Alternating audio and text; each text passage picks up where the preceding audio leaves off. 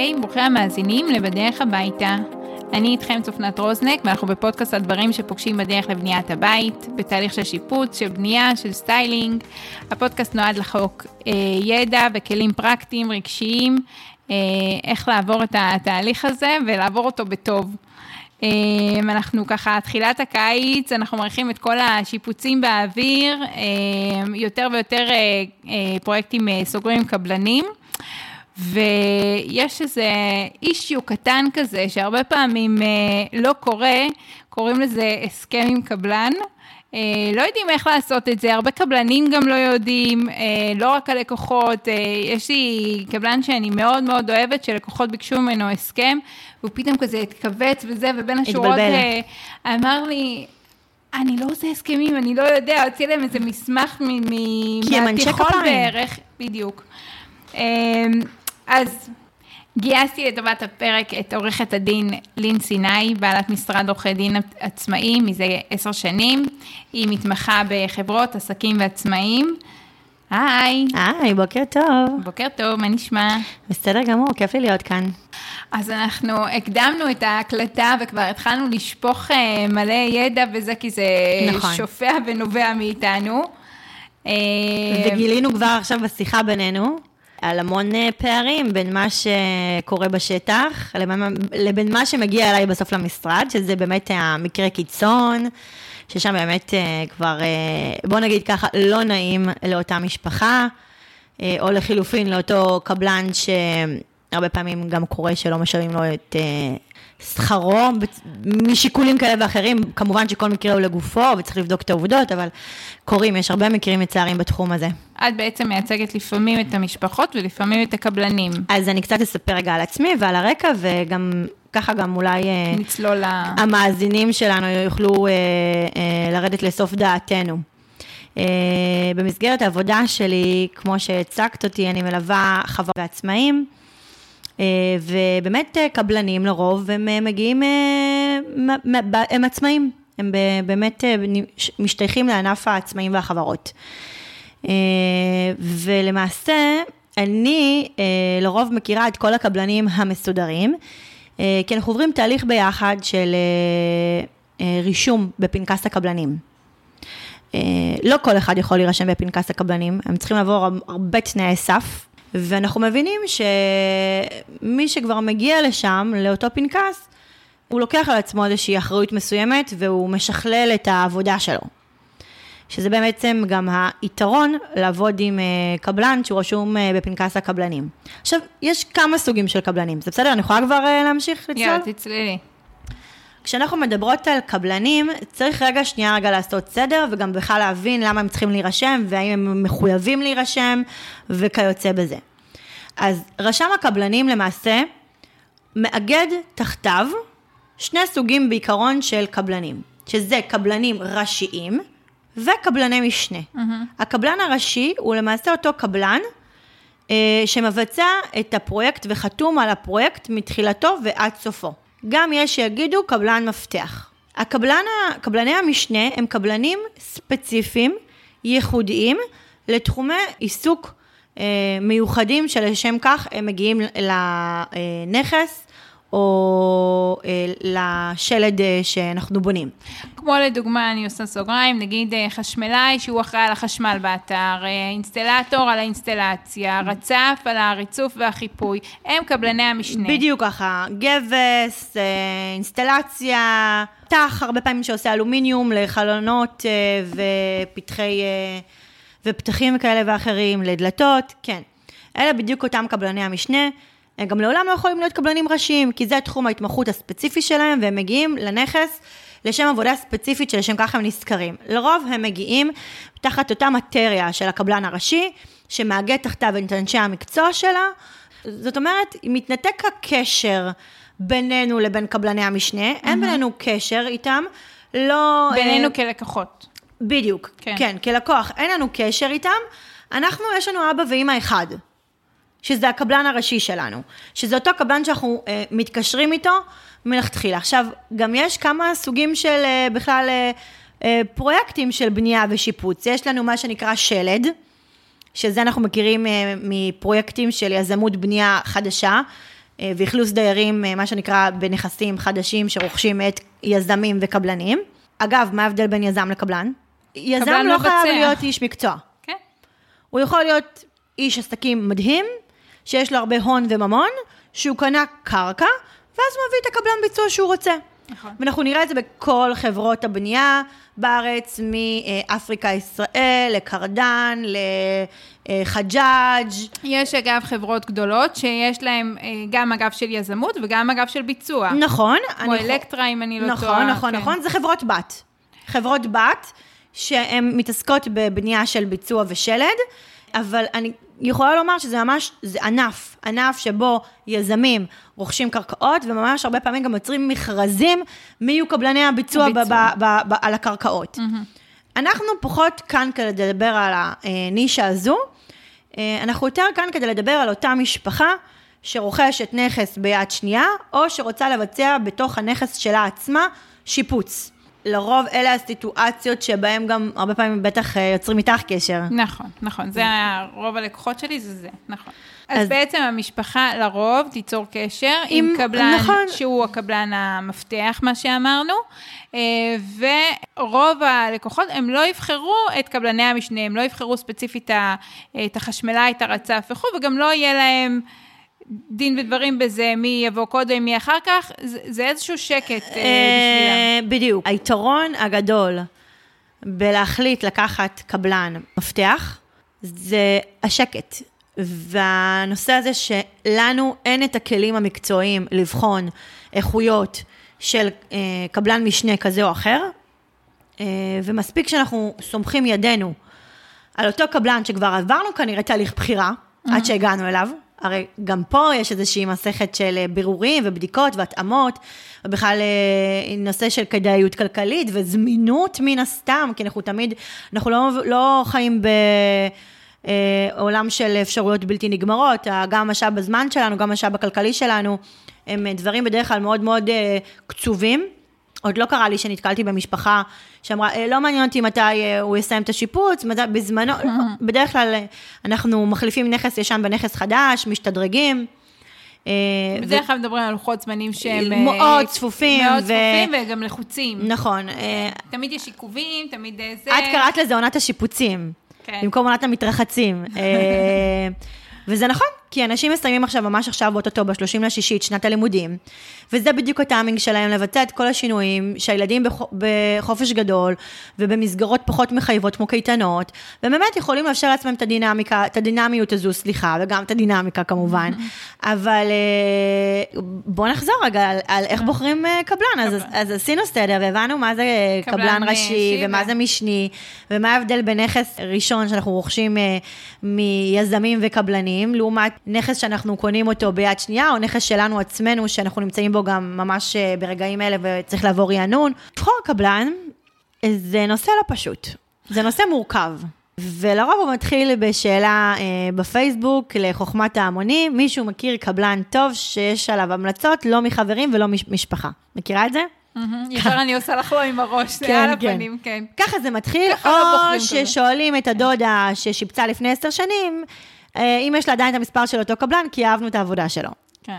אה, שאת יודעת מה, זה כבר עדיף, כי לפחות ראיתי את הפרויקט וראיתי את העבודה כן. בעיניים. אנחנו בדרך כלל לא כל כך יודעים לאן לפנות ולאן לגשת. כן. אנחנו בדרך כלל אה, מחפשים מישהו שהוא יהיה לפחות בטריטוריה שלנו, באותו אזור מגורים. גם קבלנים. אה, מעדיפים, נכון. יש להם אזורים שהם עובדים בהם. נכון. רגע, לעשות סוגריים, להעיד, אני בוחרת את הקבלנים שאני עובדת איתם ממש בפינצטה. רוב הקבלנים שעבדתי איתם, זה... זה לא חוזר על עצמו אה, שוב. כאילו באמת, אני ממש, אה, את יודעת. ממש. יש, יש הרבה פרמטרים, הרבה דברים. עכשיו, לפעמים יש קבלן שהוא מצוין, אפרופו מה שאמרנו קודם, אבל הקבלני משנה שלו לא היו טובים, ואני מפילה אותו אחר כך על זה, כאילו מפילה במרכאות, כן, אבל אני לא יוצר איתו עוד פעם קשר, כי הקבלני משנה לא היו מספיק טובים, וכל מיני דברים כאלה. אבל קורה לי לא פעם שכבר אני אוהבת קבלן, ואני רוצה לעבוד איתו שוב, אבל אז הפרויקט הבא שלי באזור גיאוגרפי אחר, והוא אומר לי, אני לא- מצטער, אני לא מגיע לשם. נכון, כי זה שינוע עובדים אה, ושינוע חומרי גלם. נכון, הוא צריך ו- לדעת איפה מרכז האם שלו ולאן הוא מגיע. נכון, וגם ה- הערך המוסף בלקחת קבלן שהוא מהאזור שלך, וגם כנראה האזור שלו, שלו, כן. זה שיש לו אה, יכולת לשלוט ביד רמה הרבה יותר על הפרויקט, הזמינות שלו עולה, וזה גם יתרון שלנו כלקוחות בסוף. וזה גם מתורגם להצעת המחיר. כי קרה לי. ש... שדיברתי עם קבלן שהוא רחוק, הוא אמר, תקשיבי, זה יעלה להם, אני לא זוכרת בדיוק, אבל זה סביב ה-250-300 שקלים תוספת ליום עבודה. וואו. אה, על, ה... על המרחק אה, שאנחנו אה, נוסעים וזה וזה. עזבי, זה לא, זה כאילו, אז זה גם ישר מתורגם לכסף. כן, ותשמעי, באמת הבחירה הזאת, למה היא הופכת להיות מורכבת? כי את אומרת, אה, בואי, זה שיפוץ שהולך ללוות אותי עכשיו שנים קדימה. אה, ואנשים אה, נערכים לזה כמה שנים מראש. צמאים לה רק כדי לחכות לשיפוץ המיוחל הזה, או למעבר דירה הזה שדורש את השיפוץ בין היתר. אני לא מכירה הרבה אנשים שעושים כל שני וחמישי שיפוצים, זה ממש לא, פעם, פעמיים שיפוץ- בחיים. שיפוץ היום זה משהו שעולה, כאילו זה תמיד היה, אבל היום עוד יותר, עולה המון המון המון המון כסף. נכון, ואת אומרת, אם אני עושה את כל המאמץ הזה, ואת כל המשאב הזה, ואם אני רגע עושה פוס בחיים שלי, אה, ובוא נגיד את האמת, יש הרבה שרלטנים בחוץ. יש הרבה אה, אנשים שלצערנו מנצלים אה, את חוסר הבקיאות וחוסר ההבנה של הצד השני, אה, ובשביל זה אנחנו כאן, להעלות כן. למודעות את העובדה שיש צורך לבצע בדיקות מקדימות.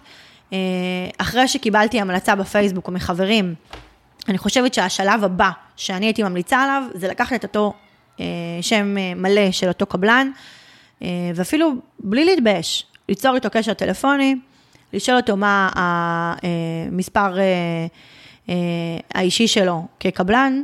נבדוק אה, אותו ברשם... בדיוק, להיכנס לאתר רשם הקבלנים, שהוא חשוף לכולם, הפנקס, מקלידים את השם של הקבלן, מקלידים או את תעודת הזהות שלו, או את המספר רישיון שלו, ומגלים לאיזה סוג, לאיזה סוג הוא מורשה. האם הרישיון שלו בתוקף?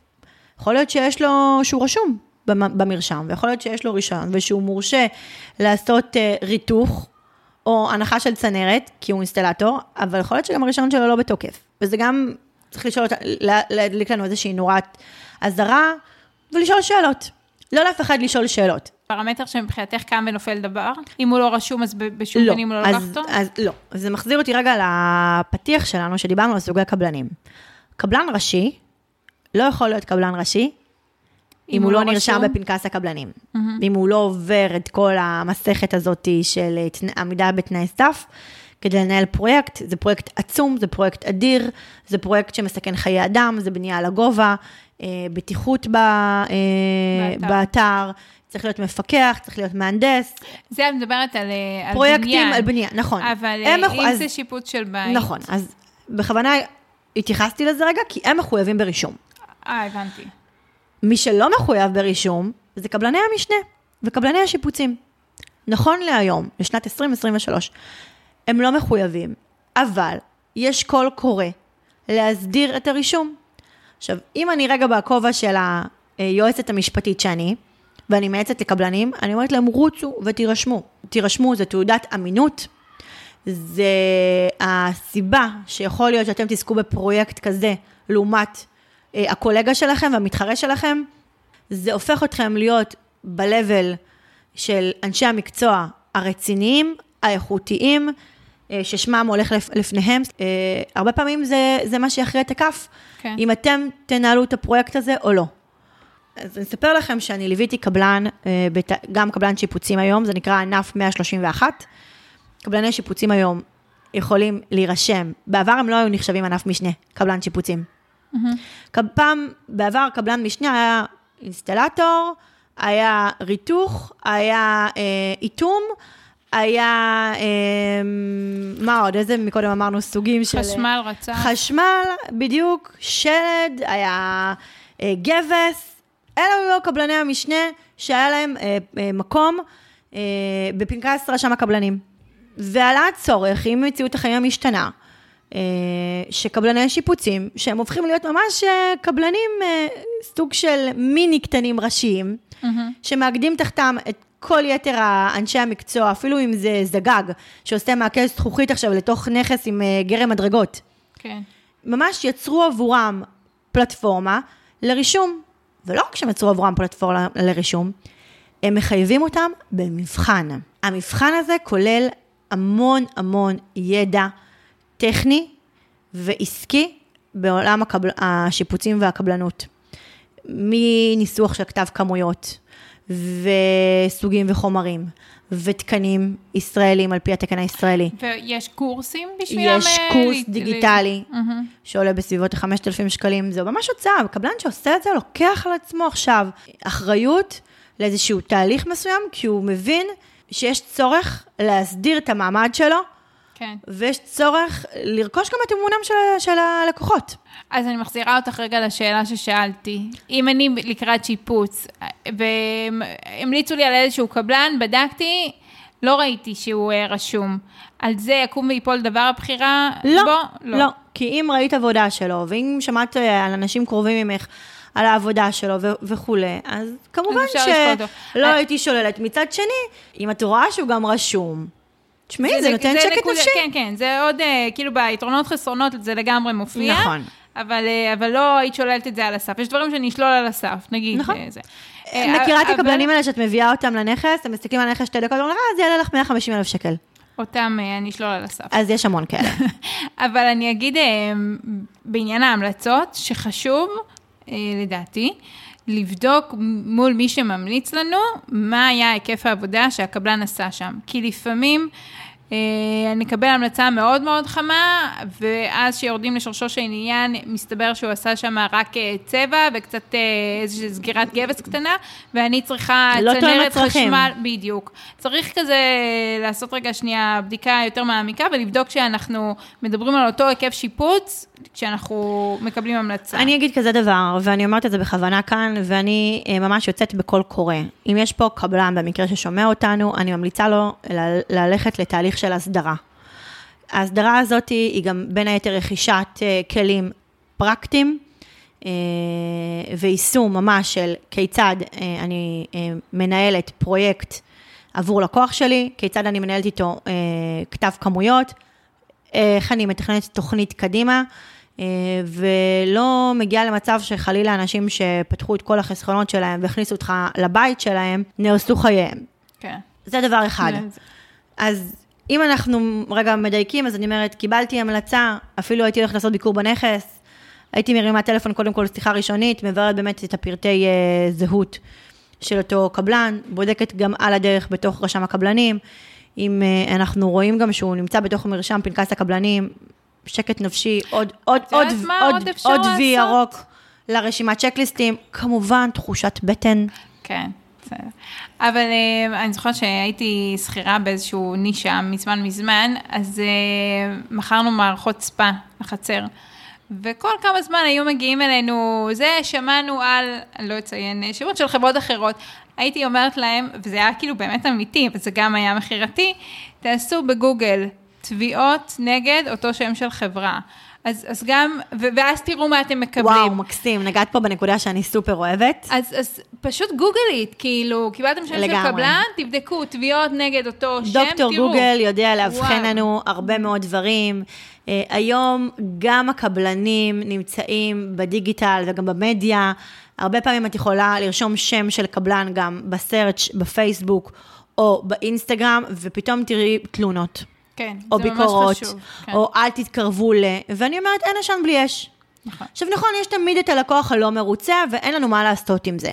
אבל מצד שני, אם את רואה משהו סיסטמטי, משהו שחוזר על עצמו, או אה, שהשאירו כל מיני אה, תגובות דווקא לא מפרגנות ולא טובות, נגיד על פוסט שהוא העלה, אה, או על פרויקט, כמו, אני לא רוצה תעשו קצת להגיד... אה, בדיקת אה, כן, שטח. תבדקו מה קורה כן. בשטח, תרימו את הראש רגע. להיות סקפטיים, זה לא עולה כסף להיות סקפטי. תעשו את הבדיקות שלכם לפני שאתם נכנסים לתוך הבית שלכם ומתחילים לשבור קירות ואז נשארים, אה, מכירה את זה, ערומים. כן. אה, וכמובן, תחושות בטן זה דבר מאוד מאוד חשוב. אוקיי, אז בחרנו לנו באמת את, האות- את, אותו- את אותו קבלן, עשינו את הבדיקות המקדימות שלנו, יש לנו תחושת בטן טובה, הוא אפילו רשום ברשם הקבלנים, איזה כיף, חיוך ענק, יאללה, יוצאים לדרך. הוא בא, הוא צריך לתת הצעת מחיר. הוא מגיע לנכס, פעם ראשונה, היי, נעים מאוד, זה הנכס שלנו, בוא תראה, אנחנו רוצים אה, אה, הצעת מחיר. והרבה פעמים בשלב הזה את מגלה שהכל מאוד מאוד מלמעלה. אין באמת בדיקה מעמיקה של צרכים, של רצונות, של טיב הנכס, של הגיל של הנכס, של התשתיות הקיימות. את מכירה את השיטה הישראלית של קודם לשבור ואז לגלות שהצינור לא נמצא במקום? אני ישר תופסת את הראש. מכירה את זה? או כן, אנחנו נפתח לכם פה, אין בעיה, ואז מגלים שזה עמוד קונסטרוקטיבי, או יש אה, המון אה, כאלה, כן. ועוד שלל הבטחות. עכשיו, כן. אני אומרת, כאן מתחילים הסדקים. אה, אני לא נראה לי הגיוני, תראי, גם אני בתור אשת מקצוע יכולה להגיד לך הערכות גסות לדברים, אבל זה ממש הערכה גסה מלמעלה בשיחה טלפונית. כשאני כבר צריכה לרדת לעובי הקורה לאיזושהי הצעת מחיר או אה, תהליך עבודה עם לקוח, כבר יש פה בדיקה אחרת. בדיקה משמעותית אחרת, שאני צריכה באמת לדעת מה בסוף הפעולה הרצויה. וקרה לי שליוויתי אה, לקוחה שחיפשה קבלן ראשי, מפתח לשיפוץ נכס, ממש גילוח של קירות וש, ושיפוץ תשתיות, חידוש ממש נכס ישן מאוד, בשכונה ישנה בנתניה, והביאה כמה אנשי מקצוע, כל אחד נכנס, זרק מספרים, ממש כמו בהגרלה בלוטו. אחד אמר 100, אחד אמר 150, אחד אמר 200, וגם אחד אמר 75. עכשיו, זאת אומרת, איך יכול להיות שיש פערים כאלה גדולים? כן. הפערים הם תולדה של חוסר מקצועיות, תולדה של שליפה מהמותן, בהיעדר בדיקה בכלל של תשתיות, בלי כתב כמויות, בלי תוכנית, ממש כאילו כמו להיכנס לאוטו ולנסוע בלי ווייז לאף מקום. אין נקודת סיום, אין צפי, לא ידוע. אבל יש פה, כאילו זה נכון, אבל יש פה גם אחריות של הלקוח, או של מי שמלווה את הלקוח לפעמים. כי גם אני יכולה להגיד בתור אשת מקצוע שהרבה פעמים לקוחות מבקשים ממני X, ובסוף הם, הציפייה שלהם לקבל 5X, כאילו, את יודעת. אז איך את פותר, איך את פותרת את זה? זה? לי יש הסכם עבודה. יפה. אז, אז, אז אני באה ואומרת, הבאת קבלן, שמעת עליו שבחים, בדקת אותו ברשם, בפנקס אה, רשם הקבלנים. הוא הגיע לנכס, הוא זרק מספר, את יודעת מה? נסמוך עליו שהוא מבין דבר או שניים, הוא איש מקצוע, או יש לו טביעת עין, אוקיי, אני מקבלת גם את הטענה הזאתי. מה קורה עכשיו? אוקיי, אני, איך, איך מתחילים? כן. מי קונה את החומרים?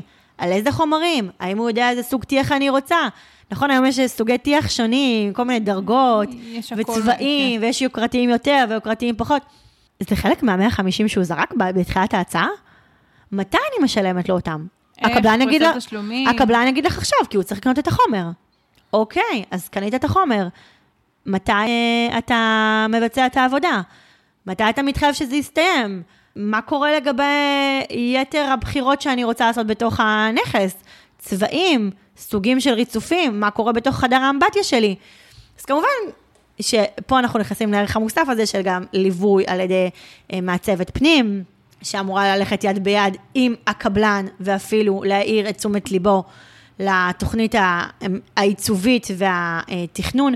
אגב, בואי רגע תני לנו את רגע הבנה על הממשק של היחסי עבודה. ממש, זה, אני, אני רוצה, כשאני מגיעה למכרז קבלנים, זה שלב שיש לנו סט תוכניות שהוא די גמור, שיש לי תוכנית הריסה, הקבלן מקבל ממני תוכנית הריסה, תוכנית בנייה, זאת אומרת, הוא יודע בדיוק כמה הוא שובר, איפה, אה, מה הוא הולך לבנות, תוכנית חשמל, תוכנית אינסטלציה. זה התוכניות שאני מביאה לו. זה סט תוכניות נקרא, נכון? זה, זה הסט תוכניות לא לביצוע, למכרז. כי אז בביצוע יש כאילו עוד יותר אה, אבל פרטים. אבל לא כולנו עוסקים במכרז, בואו נדבר רגע על המשפחה הממוצעת. רגע, אבל משהו שהוא ממש חשוב גם, ש... שאני יודעת שיש מעצבות שעובדות ככה ואחרת, אני מקפידה אה, לבחור את חומרי הגמר. לעשות איתם את הסבב, לקנות את הסניטריה, את הערכים, את הריצוף, את כל זה, לפני מכרז קבלנים, ואני רגע אנמק את זה. אה, יש הבדל בהצעת מחיר של הקבלן, אם אני קונה אריח מטר עשרים על מטר עשרים, או אני קונה אריח שישים על שישים, או אה, חמש על חמש. הוא יתמחר את העבודה אחרת, זה ייקח לו זמן אחר, זה, זה, זה משהו אחר לגמרי. הרבה אנשים, ו- ולפעמים גם מעצבות, עושות את זה בשלב מאוחר יותר, אחרי שיש כבר קבלן, אז הולכות להזמין את הדברים. אבל בעצם לקבלן יהיה, יהיה הבדל במחיר ובכמויות שהוא יקבל ממני ובתוכניות יהיה מצוין גודל האריח, בסניטריה, אה, פתאום אנחנו אה, נמצאים בחנות ופתאום אנחנו אוהבים את הראש גשם עם, ה... עם אמות פינוק או בלי אמות פינוק, זה מחיר מדברת, אחר. אבל את מדברת על נכס חדש? לא, על שיפוץ. אבל אבל, אבל, אבל אתה... אני לא מכירה הרבה, בת... הרבה משפחות שרוצות לשפץ את הנכס שלהם ועושות מכרז קבלנים. מה זאת אומרת? בטח שאני עושה. את אנחנו... עושה. אני... את באופן אישי. לא, אני עושה עם הלקוחות.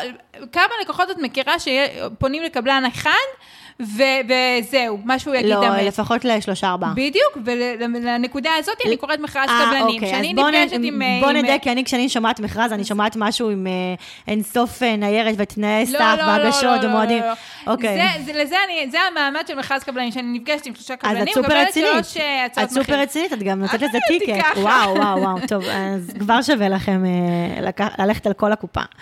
אבל אה, אוקיי, אה, צודקת, אז, אז בעצם מה? אני מלמד- אומרת- מה, רגע, מה את מלמדת אותנו? את מלמדת אותנו... כשהלקוח מגיע לקבלן, הוא צריך לדעת בדיוק מה הוא רוצה. הוא לא אוקיי. שואל את הקבלן, אז רגע, רגע. ואז הקבלן אני, מתמחר את סליחה זה. שאני עוצרת אותך, כן. כי את גם עכשיו מלמדת אותי. או, את אומרת לי, אוקיי. לין, תתקשרי איתי לפני בכלל שאת מתקשרת עם הקבלן. חד משמעית. וואו. ברור. טוב, טוב לדעת, אני, את יודעת, אני בעולם המשפטי, אני לא בעולם כן. הפרקטי של מתי אני בוחרת את הקבלן שלי, אם זה לפני המעצבת או אחרי המעצבת. קבלן הוא איש ביצוע. מה שאני אבקש ממנו, זה מה שהוא יבצע. לפי, כאילו, לפי ה... את יודעת, הרצף האירועים הנכון. יצא לך שלקוחות שלך קבלן- בחרו קבלן ואת אה, לא הסכמת אה, לעבוד איתו? יצא לי ככה, לא בדיוק, אבל בערך. יצא לי במכרז קבלנים, אה, אני הבאתי קבלן אחד והלקוח הביא אה, שתיים. אחד מהם עשיתי איתו סיבוב, עכשיו אני מביאה לו תוכניות, אני מביאה לו, אה, גם זה רשום לו ב... זה לא כתב כמויות, כי אני לא קמאית, אבל זה מפרט כמויות גמר, וגם אעשה תוכניות שאמרתי לך, מאוד מאוד, אני עובדת באמת מאוד מאוד מסודר. ואני עושה איתו את הסיבוב, ואני מצביעה על איזה שהן נקודות שהן בסימני שאלה אצלנו, אה, כי זה, כי, הם, כי זה תלוי אם בביצוע יגלו א' או ב', כאילו יש כל מיני, נגיד, אה, ראו את האסלה, אבל לא לגמרי היה ברור איפה הצינור של הארבע צול, שהוא מחבר בכל הבניין. עכשיו, צינור ארבע צול, את לא יכולה להזיז אותו. אז אמרתי, אם אנחנו נשבור את הקיר ואנחנו נגלה שהוא פה, וזה אני מכוונת, אז זה יהיה ככה. ואם נגלה שזה פה, אז זה אומר שהשינוי יהיה ככה. זאת אומרת, אני כבר צופה מראש איזה בעיות עלולות לקרות בביצוע, ואיזה פתרונות כאילו יש לזה ולזה, שייקח את זה בחשבון במחיר שהוא נותן. שאם זה א', אז כאילו יהיה מחיר א', וב' זה ב', ואת יודעת, שהוא לא יופתע ויפתיע אחר כך. אני אה, זה. עכשיו, מהשאלות שלו ומהתגובות שלו, הבנתי שהוא לא מבין. שהוא, הוא, אין לו מושג על מה אני מדברת. או שלא מדברים באותו שפה, זה גם קורה, ואז זה לא יעבוד ביחד שאין אין את זה. כן, או, או שהוא הוא לא מבין את העבודה, אז כאילו, אה, אה, הוא לא זה. ושיקפתי את זה ללקוחות, ובגלל אה, היכרות מקדימה של הלקוחות עם אותו קבלן, הם כן החליטו לקחת אותו. וזה פרויקט שהוא, הוא, בעסק שלי יש לו הרבה חותם, כי הלכתי ללמוד פיקוח בעקבות זה, וואו. ועשיתי, הפודקאסט נולד בעקבות, אה, גם בעקבות אה, תולדה של אותו מקרה, ש, שהרגשתי צורך שלאנשים יהיה את הכלים, יהיה את הידע, להעביר את זה הלאה, בשביל ש, שידעו מה לעשות. אז זה היה פרויקט נוראי, באמת. אה, כמעט כל יום, אה, התחלתי את היום שמה, וזה כמעט כל יום התחיל בצרחות וריבים עם אותו קבלן. וואו. אה, זה בטח גם מעכב את העבודה, והעבודה לא זורמת, ודברים לא נראים בדיוק כמו שתכננו ורצינו. הוא זה- לא זה- ידע להעריך את הזמנים נכון, וואו. הוא לא סיים את זה העבודה קריטי, נכון. זמן זה קריטי. הם נכנסו לדירה, זה היה החגים, זו משפחה שומרת, דתית, עם שלושה ילדים קטנים, בלי מטבח הם היו. וואו. כן, כן, זה כאילו באמת... אה, כן, כן, קצה. תהליך של שיפוט זה ממש לפעמים תהליך של עוגמת נפש למשפחה. נכון. ועד שהם לא מגיעים לרגע הזה שהם יכולים להכין כוס קפה ולשבת בסלון שלהם, שהכל מסודר ונקי, זה חתיכת מסע. נכון, נכון, זה חד משמעית, חד משמעית זה מסע. אה, אז לא קרה לי שאמרתי לא על קבלן, אבל אני התרעתי בפניהם, ובכל זאת עבדתי עם קבלן נוראי, והיום אם יבוא אליי לקוח ויגיד לי שהוא הקבלן, אני, אני, אני מראש עוזבת את הפרויקט, כי באמת, ברמה כזאת, זה- הוא עשה לי ממש... אה, חיים קשים. גם טראומה, אני ראיתי אותו פעם אחת אחרי זה, וממש חציתי את הכביש, זה עשה לי רע. אז, אז יש אה, כל מיני קבלנים, אבל, אבל כן, אז- אז- definitely להגיע לקבלן אחרי שאנחנו יודעים בדיוק מה אנחנו רוצים. מהמם. אז לא, סגרנו את אה, הנושא. קודם אותך ואז את הקבלן. אותי או לבד לבחור כן. להחליט דברים, אבל כשאתם מביאים קבלן, אתם יודעים מה אתם שוברים, מה אתם בונים, מה אתם... שהמחיר שהוא נותן, הוא נותן שהוא יודע באמת מה העבודה שהוא צריך לבצע. אז, רגע, אז כאן את נוגעת בנקודה מאוד רגישה, שזה למעשה לבטא את הרצונות של הלקוח ואת הצרכים שלו. לעומת מה הקבלן מבין, רואה ויודע. כן. אמ, וכשאני אומרת לרדת מ- מלמעלה למטה, הכוונה שלי היא ממש להתחיל לפרט בצורה מדויקת נכון. את הצרכים שלי, את הרצונות שלי, מה הייתי רוצה, להפגיש את בעלי המקצוע שלי, כמו למשל את המעצבת פנים שלי. עם הקבלן שלי, כדי למנוע סיטואציה כמו שגם קרתה לך. לראות שיש שיח אה, מפרה, שיתוף פעולה, נכונות לשתף פעולה, כי אם יש קבלן שהוא יחשוב שהוא בא לבית והוא לא יהיה קשוב גם לתוכניות ולמה אה, בסופו של דבר המעצבת יש לה את ה vision שלה ונקודת אה, סיום שהיא רוצה להביא את הפרויקט הזה למושלם עבור הלקוחות שלה, זה לא יקרה. נכון. עכשיו, אני רוצה רגע להגיד משהו גם לזכותם ולטובתם של הקבלנים. הם אנשי, הם אנשי עבודת כפיים, הם אנשי עבודה, הם נמצאים בשטח, הם עובדים עבודה פיזית. הם לא עסוקים אה, בניירת, בלרשום אה, בעבודה אה, משרדית, הם לא יושבים עם לפטופים בבתי קפה, הם, הם, העבודה שלהם היא עבודה טכנית מאוד מאוד אה, אה, אה, בשטח, עם עבודה אנשי מקצוע. קשה. עבודה אנחנו מדברים על סופר קשה. יולי-אוגוסט, הם עובדים בלי מזגן, כי זה בית בשיפוץ. וואו, לא הם- חשבתי על זה גם. נכון, כן. לפעמים אין מים בבית אפילו, אין זה- תשתיות זה של ב- מים עדיין. כן, הם אוכלים, הם אוכלים על. ארגזים. נכון.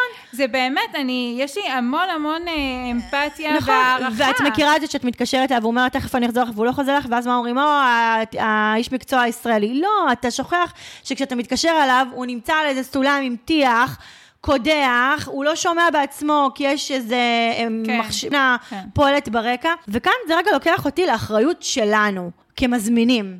אוקיי? לכל מי ששומע אותי כרגע. יש מישהו שאתם אוהבים? יש מישהו שמצא חן בעיניכם? הוא מבין את העבודה?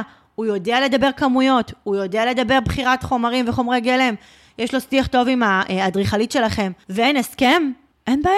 אז תיצרו הסכם. כן. אז תכינו אתם את ההסכם שאתם סבורים שהוא נחוץ לכם, שבו איתו בפגישה על כוס קפה רגע כשהוא מגיע אליכם לנכס, תנהלו על זה דיסקשן, תעלו, תציפו צרכים ואת השקפת העולם שלו, תבט... הוא יבטל את עצמו גם לגבי, לגבי אופן העבודה שלו, תעלו את זה על הכתב.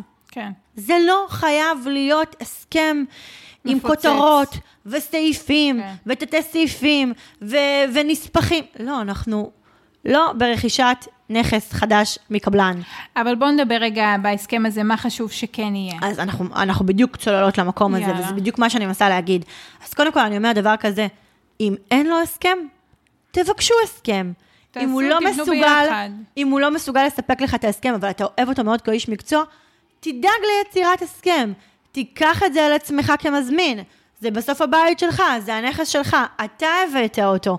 הוא אמור לעמוד בתנאים שלך, ולאו דווקא אתה בתנאים שלו. וזה גורם לי להגיד לכם, חברים, זה משא ומתן פתוח. כן. אוקיי? גם אם הקבלן עצמו הניח לכם על השולחן הסכם, זה לא סוף פסוק. אתם רשאים בהחלט להגיד ולהציף שיש כאן דברים שהם לא תואמים את היכולות שלכם לעמוד בהם, כן. אוקיי? או שזה לא מבטא גם את מה ששוחחתם מחוץ להסכם, ואתם רוצים שזה יקבל ביטוי. כן. כי אני מזכירה לכם, שמה שלא נכתב, לא קיים. לא קיים. את מכירה את זה שאומרים לך, אבל אמרת לנו בשיחה הראשונה שדיברנו איתך, שאת אה, אה, נותנת גם אה, ייעוץ על אה, איך לעצב את המרפסת. לא, חברים, אנחנו דיברנו על שני חדרים פלוס אמבטיה. זה שבאיזושהי שיחה של אבדה, היכרות בינינו, דיברנו על זה שאני גם מעצבת אה, נוף אה, וגינות ופיתוח, זה מקסים, זה לא כלול בהצעה, זה לא חלק מההסכם, לא שילמתם על זה. ומה שלא נכתב ולא קיים ולא קיבל ביטוי בדפים, הוא לא, לא חלק. מההסכמות שלנו.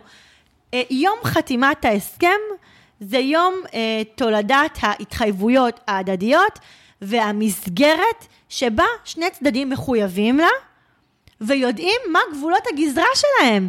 זה מעבר לזה, גם אני כל הזמן אומרת את זה ללקוחות שההסכם, הוא חשוב לי, הוא בשביל הצהרת כוונות. בוודאי. שכל אחד יבין מה הצד השני רוצה, מצפה, נותן, כאילו, זה לפני המקום. שזה מקום משפטי, זה- ברור. זה להציף את ה... זה לגמרי המקום לנעול אה, ולסגור את כל הפינות, אה, לעשות אישור קו, להבין למה אנחנו נכנסים, מה אנחנו מצפים מהצד השני, ואני גם רוצה רגע להגיד משהו. אל תפחדו לבקש הסכם. ההסכם הזה לעתים הוא אפילו יותר טוב לקבלן, נכון, מאשר, עליו. מאשר לכם כמזמינים. כי לא תוכלו להתקשר אליו ולהגיד לו, "אה, אדוני, תבוא ליום עוד יום עבודה, כי טי טי טי טי טי טה. בעצם, אה, חשבתי... בעצם חשבנו, חברים, היו תוכניות, התחייבתי, עמדתי במסגרת הלוחות זמנים, נראה לי שכרגע מי שסוטם מגדר ההסכם וההבנות בינינו, זה דווקא הלקוח. מכירה את זה? אה, הלקוח הישראלי הוא לא פשוט, בוא נשים את זה על השולחן. הוא מאוד דרשן, יש לו רף אה, אה, ציפיות מאוד מאוד גבוה. יש לו זיכרון קצר. הוא וואו. מסכם על משהו, ואז תוך כדי הוא... זיכרון כן. קצר וסלקטיבי, אני כתבתי על זה פעם פוסט. כן. אתם רוצים להימנע מסיבוכים, הסתבכויות וטענות, תכתבו. כי לנו כבני אדם יש זיכרון גם קצר וגם סלקטיבי. סלקטיבי, כן. מה שאנחנו רוצים לזכור, אנחנו ועוד איך זוכרים משיחת ההיכרות שלנו, ומה שאנחנו לא רוצים לזכור, אנחנו פשוט משמיטים כלא היה. נכון. אז כשאני מדברת על הסכמים, ברור לכם שאני מדברת על עוד הרבה מישורים, אבל כשאנחנו מדברים על הבית שלנו, על מרכז החיים שלנו, על איפה אנחנו שמים את הראש שלנו, קל וחומר שחייב הסכם עבודה, הסכם עבודות בנייה וביצוע עם הקבלן הנבחר, המסועה, זה שעברנו איתו כברת דרך כדי בכלל למצוא אותו, שהמעצבת פנים שלנו שמחה לעבוד איתו. זה הזמן שלנו, עכשיו זה המאני טיים. וההסכם שלנו, אם אנחנו נדבר עליו, אגב, שהבאתי גם פה הסכם לדוגמה, אני ממש אעבור איתכם עליו בקלילות, כדי שמי שירצה גם לרשום לעצמו ולרשום לעצמו נקודות וטיפים, יוכל לעשות את זה ממש בקלות. אז אנחנו בודקים שיש לו ביטוחים. איזה נושא- ביטוח צריך להיות? סופר חשוב, כן. ביטוח קודם כל על העובדים שלו בנכס, חיי אדם, תמיד אני מתחילה מזה, אבל אני בתור לקוח צריכה לשאול אותו, תגיד, יש לך ביטוח על העובדים? כן, וואלה. חד משמעית. אוקיי. שאם אין ביטוח ויקרה משהו בתוך הנכס שלך, שחס וחלילה לא תהיי חשופה. בעצם אם קורה משהו במהלך העבודה ואין ביטוח, אז בעל, בעל הנכס הוא זה שאחראי? הוא, הוא לא, לא לבדו, אבל בהחלט, בהחלט, יכולה, אה, בהחלט יכולה להתקבל טענה או תביעה שבה תובעים גם את הקבלן וגם את בעל הנכס. וואו, נקודה חשובה. גם אה, צד ג', לא? וכמה סיכונים יש בתהליך של בנייה? מלא. מלא. מכשור אה, מאוד מאוד אה, מסוכן. עלייה לגובה. עלייה אה, לגובה. סכינים, אה, סכינים, כן. מסמרים, מקדחים. מקדחים, אני קונגו, לא- כן. קונגו, אני לא, אפילו לא בקיאה כל כך, אבל כן. כן, אה, התחשמלות. מנסרים, נכון? יש אה, ניסור בטון שהוא מאוד מאוד מסוכן. יש, יש אה, הרבה... עבודה עם עבודה מכשור. מאוד מאוד מסוכן.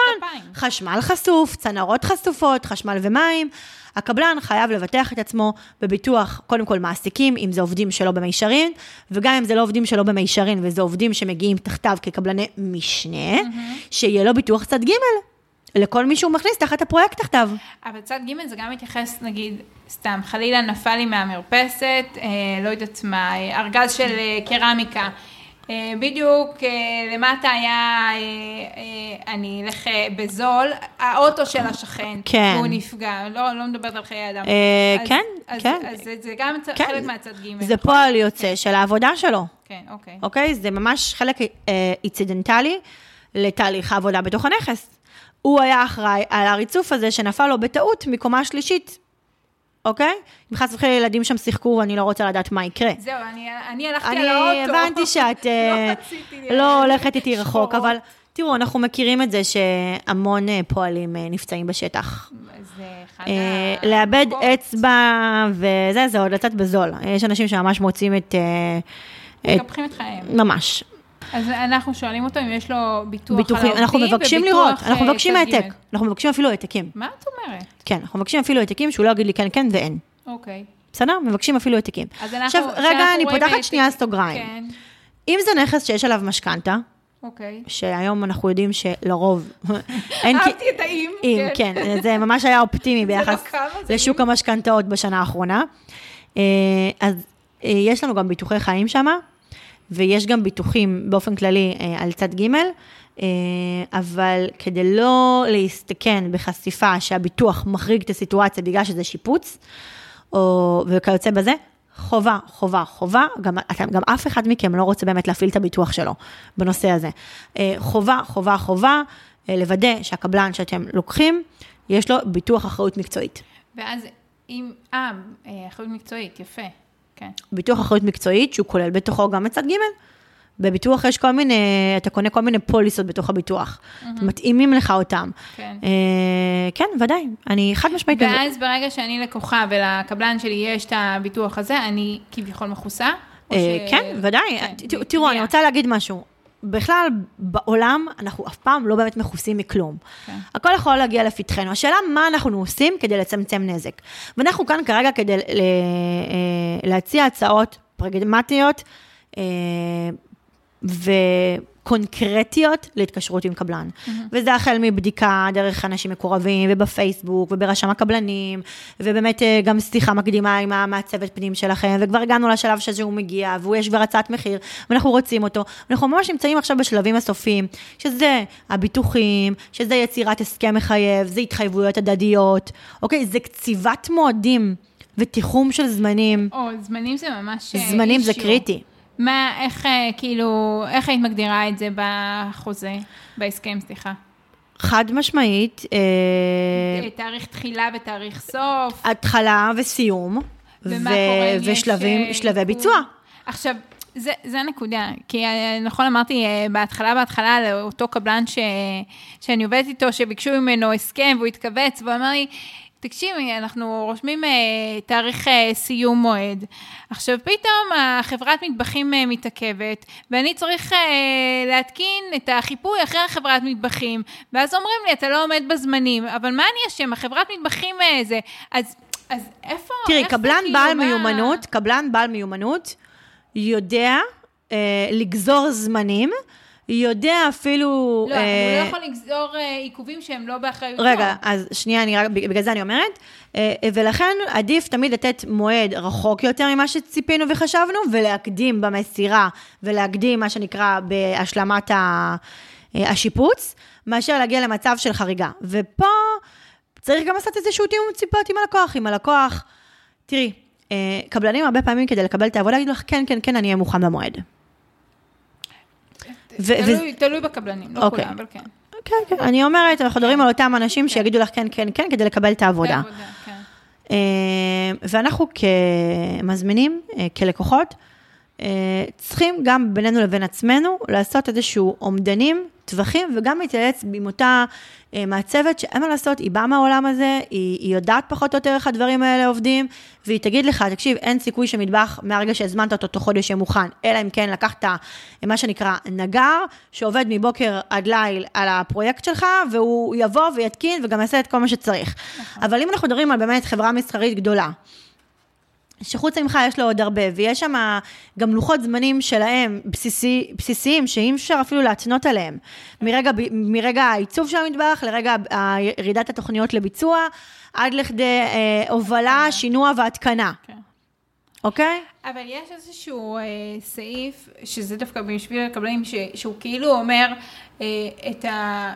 כביכול, את הדברים שהם תחת אחריותי, שאני אבצע זה עד אה, מועד X, ואם יש עיכובים, אז זה מועד Y, שזה לא ייחשב לו אז כאילו אני רוצה הוא רגע, לא עמד בהסכם. אני רוצה רגע לדבר בדיוק על הנושא הזה, מי עורך את ההסכם.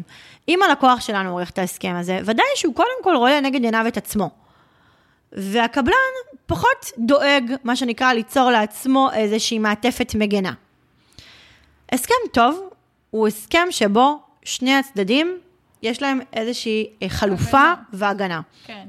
ולכן, יצירת הסכם על ידי איש מקצוע, הוא תמיד הרבה יותר עדיף. כן.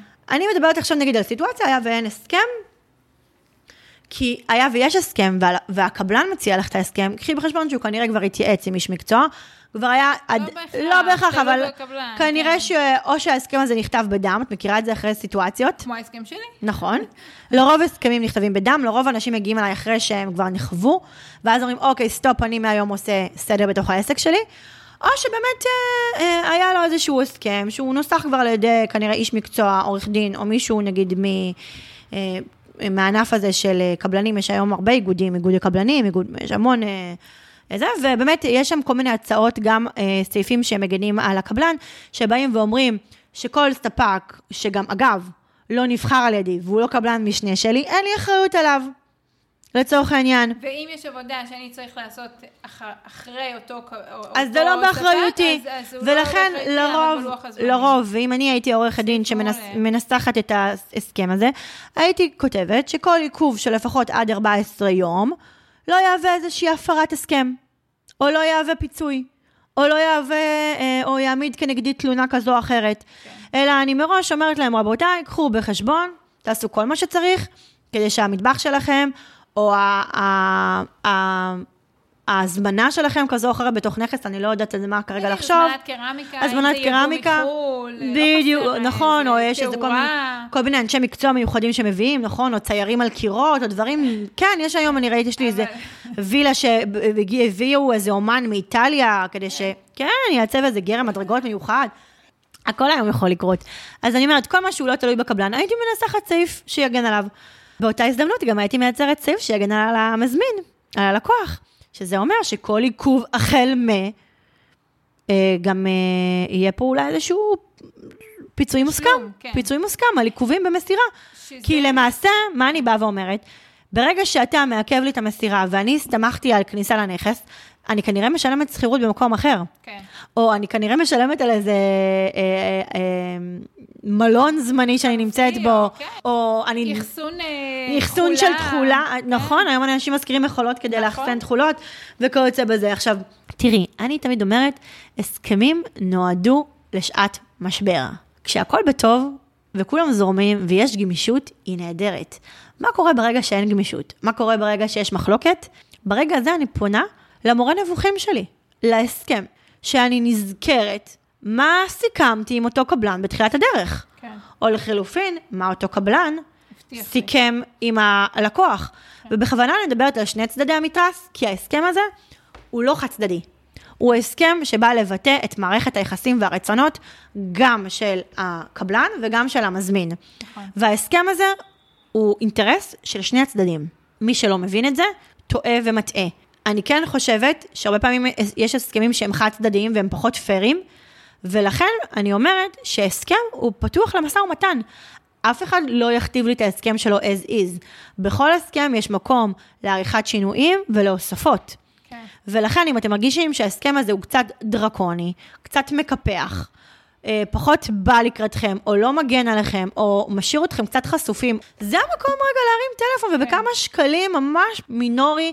ביחס להוצאה של אה, שיפוץ, בטח שזה ברור, מינורי. ברור, ללכת לישון בשקט ולדעת שחתמתם על הסכם שיגן גם עליכם. נכון, נכון. אז... דיברנו על לוחות זמנים ועל מה קורה אם אפשר להגדיר שכל עיכוב אה, החל מאיזשהו יום הוא אה, בעצם אה, דורש פיצוי. תגידי, את, את מכירה אם יש הקדמה, אם הלקוחות משלמים לקבלן? לא, זה לא קורה, זה תמיד, זה תמיד חד צדדי. סיום פרויקט לפני הזמן, הוא אף פעם לא, לא נותן לא איזשהו... לא לזה על זה? לא, לא. כי דווקא לקוח שלי אבל, אבל, כן, אבל שמעתי זה, זה שאנשים היו לחוצים מאוד. מאוד לחוצים בלוחות זמנים, ואמרו לקבלן, תראה, אם אתה תסיים לי אפילו את הפרויקט שבועיים קודם, אני מבטיח לך לתת לך סוג של בונוס הצלחה. בדיוק, זה כן. נותנים כאילו בונוס... אני לא כל כך מכירה את הישראלים בתור אה, נדבנים גדולים, אבל כן, אני שמעתי כבר על סיטואציות שבהם אה, אה, אנשים שהיו מאוד צפופים בלוחות זמנים, בגלל הראשון לספטמבר, בגלל המכירה של נכס אחר שהם חיים בו, זה, כן. והם חייבים לפנות, שאמרו לסוג של תמריץ, תמריץ עבודה. לקבלן ולכל קבלני המשנה, שהיה והפרויקט יהיה, יגיע לסיומו עד לתאריך או קודם לתאריך, אה, אכן הם אה, יצ'פרו אותו. יצ'פרו אותו. אבל אני אגיד אה, בסוגריים שצריך לעשות את זה מאוד מאוד בעדינות ובזה, שחלילה זה לא יבוא על חשבון טיב העבודה. גם החשבון טיב העבודה, וגם שהוא לא יצפה לקבל פתאום איזה סכומים שהוא ציפה לקבל ולא לא, סוכם מראש. לא, אין ציפה, אמרנו קודם, מה שלא בהסכם לא קיים. נכון, ולכן אני אומרת שהנושא הזה הוא גם נושא שצריך להיכלל ולעלות על הכתב. חד משמעית. עכשיו, אם אתה לא רוצה להבטיח כלום, ואתה רק רוצה לקנות לו שי קטן או לשלוח לו מגש פירות, אז הייתי ממליצה בכלל לא, לא להבטיח הבטחות. לא לציין את זה, ברור.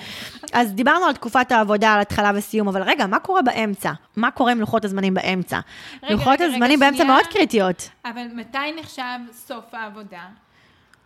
ברגע, ברגע כל תחנות, ה... בדיוק על זה אני רוצה לדבר, שכל התח... תחנות העבודה בוצעו בשלמות.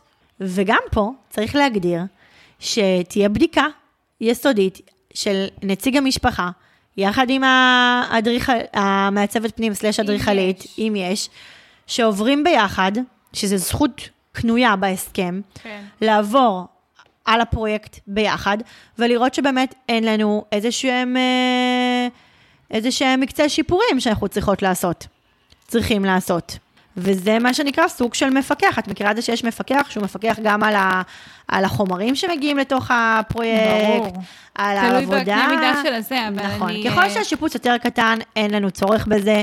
יש לנו גם, אנחנו גם תמיד נמצאים בשטח, אנחנו יודעים לעקוב אחרי התוכנית, המעצבת פנים שלנו יחד איתנו, היא באה, רואה את ההתקדמות. ככל שהפרויקט יותר מסועף, יותר גדול, כמו אה, שיפוץ של אה, נכס מאוד ישן ובניית חדש במקומו, או שיש גם עניינים של אינסטלציה מאוד גדולים, ושינוי אה, כן. פיזי, ו... תוספות בנייה. תוספות בנייה, כן, כן. ו- אז שם באמת חשוב אה, לעבור, ולהגדיר את זה גם מראש, שזה חלק מההתחייבויות הדדיות שלנו, שבסוף יהיה מה שנקרא בדק בית, שעוברים יחד עם נציג של הקבלן או עם הקבלן עצמו, ומסמנים אה, וי על כל מה שנעשה, ונעשה כמו שצריך, ושאין עוד תוספות ושינויים, מעולה. אוקיי? אז אז זה, מבחינת לוחות זמנים, אה, אבל... אני מאוד מה- חשוב לי לוחות זמנים, אני אגיד לך למה. לוחות, אה, לא לוחות זמנים, תוכנית עבודה, שלבים. למה? השלבים מובילים אותנו ישירות, לפריסת תשלומים. בדיוק, כן. לפריסת זו שאלה תשלומים. הבאה שלי. יפה. כן. התשלום זה החלק המאוד מאוד רגיש של הפרויקט, בין היתר, אחד מהנקודות הרגישות שלנו. וכשאני מדברת על, ה, על תחנות העבודה ועל השלבים, אני בעצם רוצה לתרגם את זה לתוכנית הכלכלית. כן. לעכב בצד אגודל מה קורה עם התשלומים, וכיצד אני אה, מתמחרת גם כל שלב ושלב. כן. זאת אומרת, שהיה והקבלן שלי ברח לי באמצע, נטש אותי, או התפוצצ, התפוצצה מערכת היחסים, כן. שיהיה מוגדר שככל ולא בוצע שלב ג', ד' וה', הוא לא יקבל על כך תשלום. כן. ככה אנחנו מוודאים למעשה את המחויבות ואת ההתחייבות ההדדית של שני הצדדים. מצד אחד לאותו קבלן שצריך לבצע את העבודה, ומצד שני לאותו אה, מזמין שצריך לשלם עבור, עבור, עבור העבודה. ואתם יודעים מה? פה גם הייתי מכניסה סעיף שכל עיכוב בתשלום מצד המזמין יכול לגרור גם עיכוב מצד הקבלן. חד משמעית. חד משמעית, זה סעיף שהייתי מנסחת לטובת הקבלן, ומנגד שומרת עליכם שלא תשלמו פתאום 200 אלף שקלים ביום שחתמתם על ההסכם, ויעלמו לכם. כן. כן. אז זה איך, מערכת אה, יחסים הדדית. תמיד מה שיש לי אה, על כף המאזנ- על כף מאזניים אה, אה, אה, מצד אחד, אני צריכה בעצם לאזן אותו מהצד האחר, שני צדדי המתרס. אז ככה, מה נהוג? כן. מה שנהוג זה לשלם מקדמה, יחד עם חתימת ההסכם. מעידה על, אה, מעיד על אה, רצינות אה, וגמירות דעת הצדדים, למעשה משכלל את ההסכם לממש עבודה בפועל. בל נשכח שגם הקבלן צריך לרכוש את כל החומרי אה, גלם ועבודה אה, עב- עבורכם בהתאם לרצונות שלכם. זוכרים את בירור הצרכים ותוכניות העבודה? אז מן הסתם שהוא צריך מקדמה, הוא לא מממן מכיסו את הפרויקט, אבל בצורה מבוקרת. 20 אחוז, 30 אחוז. לא, 30 אחוז אה, מקדמה זה מלא, לין. אמרתי, לא יותר מזה. זה מה שבאתי להגיד בשלב הזה, וגם אתם מוודאים שה-30-20 אחוז הזה, הם בעצם מבטאים את רכישת החומרי גלם ורוב ההתחייבויות שלו. אני חייבת, אני, דעה לא פופולרית. בבקשה. אבל, ב... אנחנו נשמח לשמוע מניסיונך. כשלמדתי פיקוח, אחד המרצים הוא אה, מפקח אה, על פרויקטים מאוד גדולים בשוק. הוא הפציר בנו שבהסכמים ש... שהלקוחות שלנו עושים מול הקבלן, לא נותנים מקדמה כמעט בכלל, כאילו משהו ממש ממש מינורי, ושקבלן לא יבלבל אתכם עם חומרים, לא חומרים, גם ככה הוא משלם שוטף פלוס 30, אז הוא לא מממן פה שום דבר, הוא סתם רוצה להכניס אה, כסף אה, לכיס, והוא שם את הלקוח שלך בעמדה שהיא חשופה יותר. עכשיו, כן צריך לתת משהו על החשבון בשביל להביע אני רצונות. קצת חולקת עליו. רצינות, כי כאילו, את יודעת, אמ, אותו לקוח יסגור עם אה, חמש קבלנים, וברגע האחרון יבטל לי, ומה אני אעשה? אז כן צריך אל איזושהי מקדמה. תשכחי שגם אה, אבל, קבלן אה, יש לו עובדים 30% וימי עבודה של מלא. עובד. אמרתי עד. זה עוד פעם, זה עניין של משא ומתן. יכול להיות שתנהלי משא ומתן עם קבלן, שתגידי לו, אני מוכנה לשלם לך עד 30 אחוז, אבל בוא תבוא לקראתי ב-X ותן לי גם Y, או אבל זה לחילופין, גם לא חושף אותי בתור לקוחה? אם הוא, אם הוא הולך לאיבוד, הולך לאיבוד, כן? אם הוא נעלם לפני, אה, לפני שהוא מתחיל את השיפוץ, הבאתי לו 30% מהשכר טרחה של... אה, חתמתי איתו על הסכם? כן. יופי, את תתבעי יכולה אותו. לתבוע, כן. לכי תתבעי. אבל עוד פעם, אני אומרת, תראי, טוב, אני, אני, אני קצת שמרנית במקדמה. זוכרת שמקודם אמרתי שאין דבר כזה לא להיות חשוף, בכלל לא להיות מוגן לחלוטין? נכון.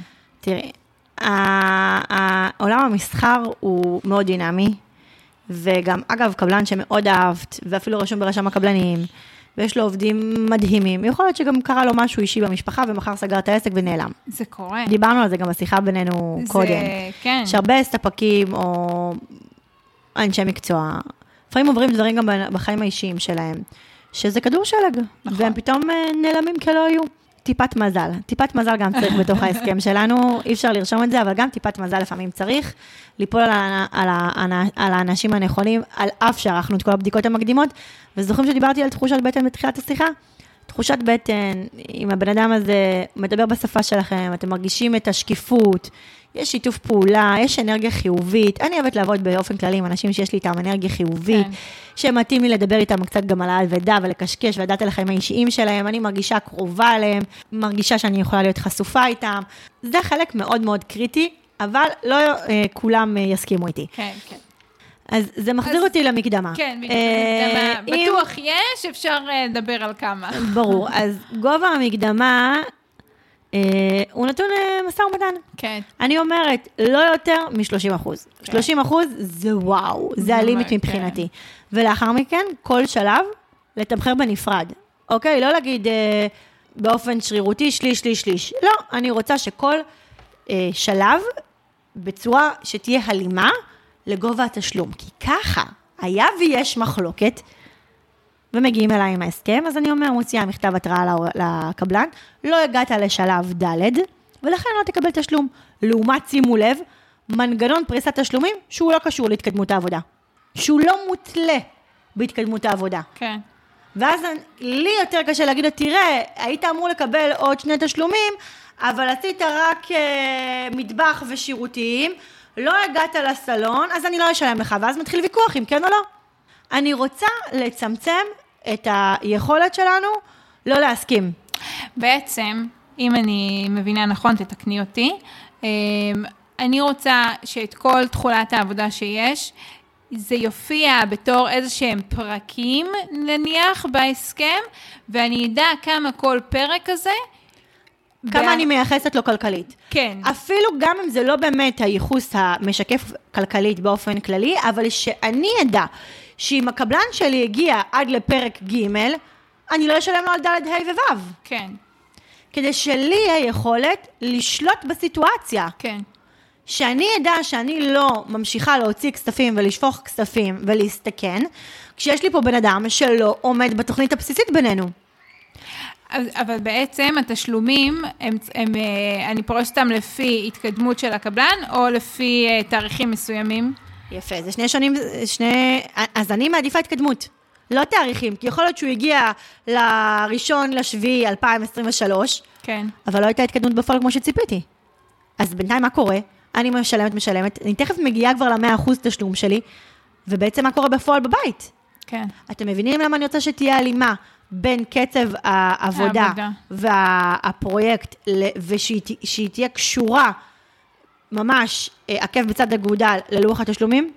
אז מה שאני עושה, אם אני מבינה אותך נכון, אני מסתכלת מה אני צריכה לעשות בבית, אני פורקת את זה לאיזה שהם אה, פרקים, נגיד הריסה, אה, בנייה, אינסטלציה, חשמל, גמר. סתם עכשיו זרקתי את אה, חמשתלת, את- אם יש לך איזה אור לשפוך פה, אז את פחות הייתי מדברת על זה ככה, כי לרוב, בפועל, בשטח, כן, זה לא בדיוק קורה ככה, כי חשמל והאינסטלציה הרבה פעמים קורים בעת ובעונה אחת. במקביל. אני מדברת מה קורה, הרי אנחנו רוצים בסוף נכס מוגמר. אוקיי. אז ו- איך היית מחלקת את זה, אז כאילו? מה שהייתי מחלקת את זה, הייתי מחלקת את זה בשלבים של למשל, סתם דוגמה, אה, ריצוף, טיח, אה, בניית ממ"ד, אה, ממ"ד זה שלד, של, כן, ריצוף וגמר, ריצ- זה, זה, זה בדרך כלל הגמרים. מגיעה, אז זהו, הייתי מגיעה. לריצוף גמר וטיח, אה, בנייה, אם פתאום אני מוסיפה עוד חדר, או זה וזה, שיפוץ גרם מדרגות, אה, מרפסת וגינה, הרבה פעמים הם בונים, נכון? הם בונים את פיתוח, המרפסת, כן. פיתוח בחוץ, הם עושים אה, מרפסת, הם עושים ריצוף במרפסת, הם מפתחים. בגינה, כן, כן, כן. אה, הייתי, מפ... כדי ש... כש- כשבסוף אני אוכל להיכנס לבית מוכן, כן. אז, מבינה? אז את ה... את, עכשיו, זה- זה בעייתי, כי לקוח לבד, בלי הנחיה של קבלן, יהיה לו מאוד קשה לעשות, לחלק את זה, ו, וגם להבין, לתרגם את האחוזים מהעלות הכוללת לכל סעיף כזה, לכל אז, פרק אז, כזה. אז זה מוביל אותנו לצורה חד משמעית, כמו שאמרתי מקודם, להתייעץ עם ה... המעצבת שלכם, שלרוב מבינה מה קורה בשטח, וזה לא רק מילים בשבילה, זה לא רק הסכם, היא רואה את ההסכם והיא רואה את החזון, היא, היא מסוגלת לדמיין את זה. רואה, אגב, שגם המעצבות פנים והאדריכליות הכי קל להם, כי הן אלופות בלתכנן על הנייר ולראות את זה, ב- יש להם vision, איך ביום של המחרת זה באמת יהיה כשזה יהיה בנוי. אבל אני עושה פה... אה, זה לא אחריות שלכם. בדיוק, כן. זה, מה אמרתי? להתייעץ. אין בעיה לייעץ ולהתייעץ להתייעץ. מניסיוני, אבל אני, מן הסתם, אני לא עורכת דין. תראי, כן. גם עורכי דין, אגב, אני אספר לך, שאנחנו אחראים על התנאים המשפטיים ולא המסחריים. וכשאני רואה הסכמים שבהם אין תחנות תשלום ברורות, לא ברור האם בתחנת תשלום הזאת הקבלן צריך לעמוד באיזשהו רף מסוים, או להוכיח את עצמו, או, לה, או להראות לנו שהוא לפחות עבר כברת דרך של שליש מהפרויקט. אם לא חצי, אז אני מבינה שהלקוח שלי חשוף. אם אין פה מנגנון פיצוי, אני מבינה שהלקוח שלי חשוף. לגבי אה, התשלום ופרסת תשלומים, יש לי טיפ לתת על הדרך, יאללה.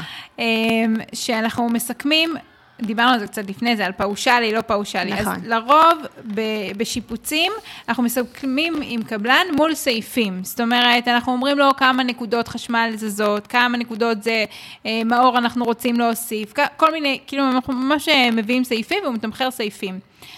פה הטיפ שלי, זה חשוב שגם סעיפים שבהתחלה אין לנו, שאנחנו נדע מה העלות.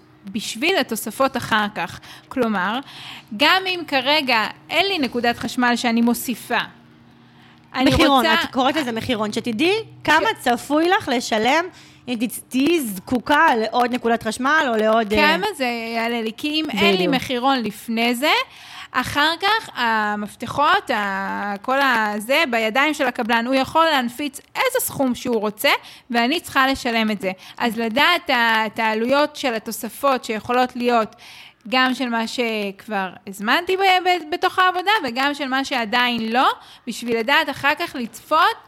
אה, עלויות אה, נוספות. נכון, וזה אבל- גם יכול אה, להכתיב לי תוך כדי תהליך החלטות אם אני רוצה להוסיף את זה או לא רוצה להוסיף את זה, כי ונכון, אני יודעת ושיקולים. כמה זה יעלה לי.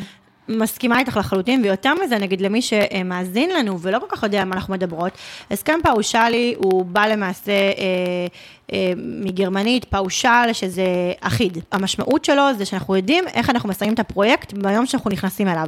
זאת אומרת, אנחנו מקבלים הצעת מחיר מקבלן, שהיא אמורה לכלול את כל היקף העבודה, בלי תוספות.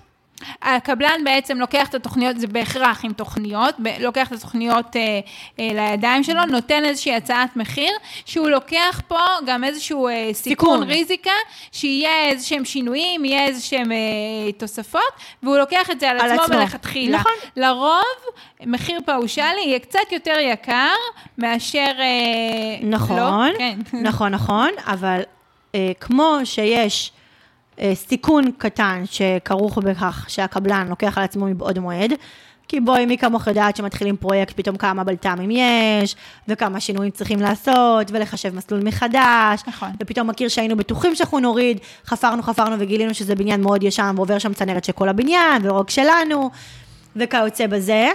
אה, מצד שני, שקט וודאות ללקוח. כן, אני, אבל אני אגיד בסוגריים שאני בתחום השיפוצים לא נתקלתי בהסכמים פאושליים. אני כן. אני uh, מכירה את זה מעברי, ב- הייתי בתכנון נוף ופרויקטים ככה ענקיים, קנה מידה ממש אה, יזמויות של אה, שכונות וכאלה. Uh, בשיפוצים אני לא נתקלתי, וגם אני לא יודעת אם הייתי ממליצה ללקוחות uh, אז אני כן לעשות נתקלתי, את יכול להיות זה. בגלל המקצוע שבחרתי בו, שלקוחה התקשרה אליי, הקבלן ביקש 200 אלף שקלים, והוא קיבל. והוא אמר לה ממש, אה, אחרי חודש וחצי שהוא כבר שבר את כל הבית, כן? צריך עוד כסף. ברור שהוא קודם כל שבר ואז ביקש, כי אם הוא לא היה שובר, ישר הייתה אומרת לו ביי. הם ממש מצאו את עצמם מול שוקת שבורה, הם לא. ידעו מה לעשות, שישה ילדים קטנים, הם לקחו נכס ישן בבית פרטי, שהיה זקוק לשיפוץ מסיבי. מסיבי, ממש, אה, הכל, הכל, הכל, כל מה שאת יכולה לדמיין, לא נשאר זכר למה שהיה.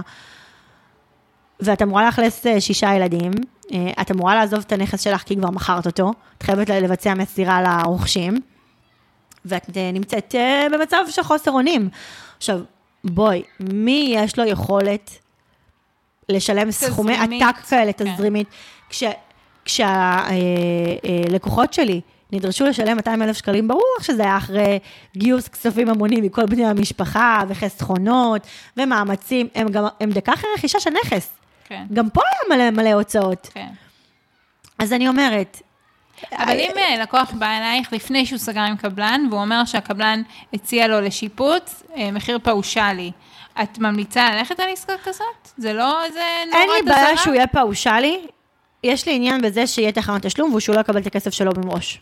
אוקיי. אני צריכה לבטח את הלקוח שלי, שהוא יקבל את מה שהוא שילם עליו, שיהיה לו תמורה בעד האגרה. ואם הוא שילם 200 אלף שקלים וזה מקצה לקצה וזה יוצר לו ודאות ושקט, אבל יש לו תוכנית עבודה אה, עם שלבים שבכל שלב ידוע כמה אנחנו משלמים על השלב הזה, אני רגועה. הבנתי. ואני גם אגיד לך יותר מזה. בואי נעזוב רגע את המינוחים בצד. היה ובאמת קבלן נתן לנו הצעת עבודה על 200 אלף שקלים, 150, זה כבר לא משנה מה אנחנו ננקוב כרגע.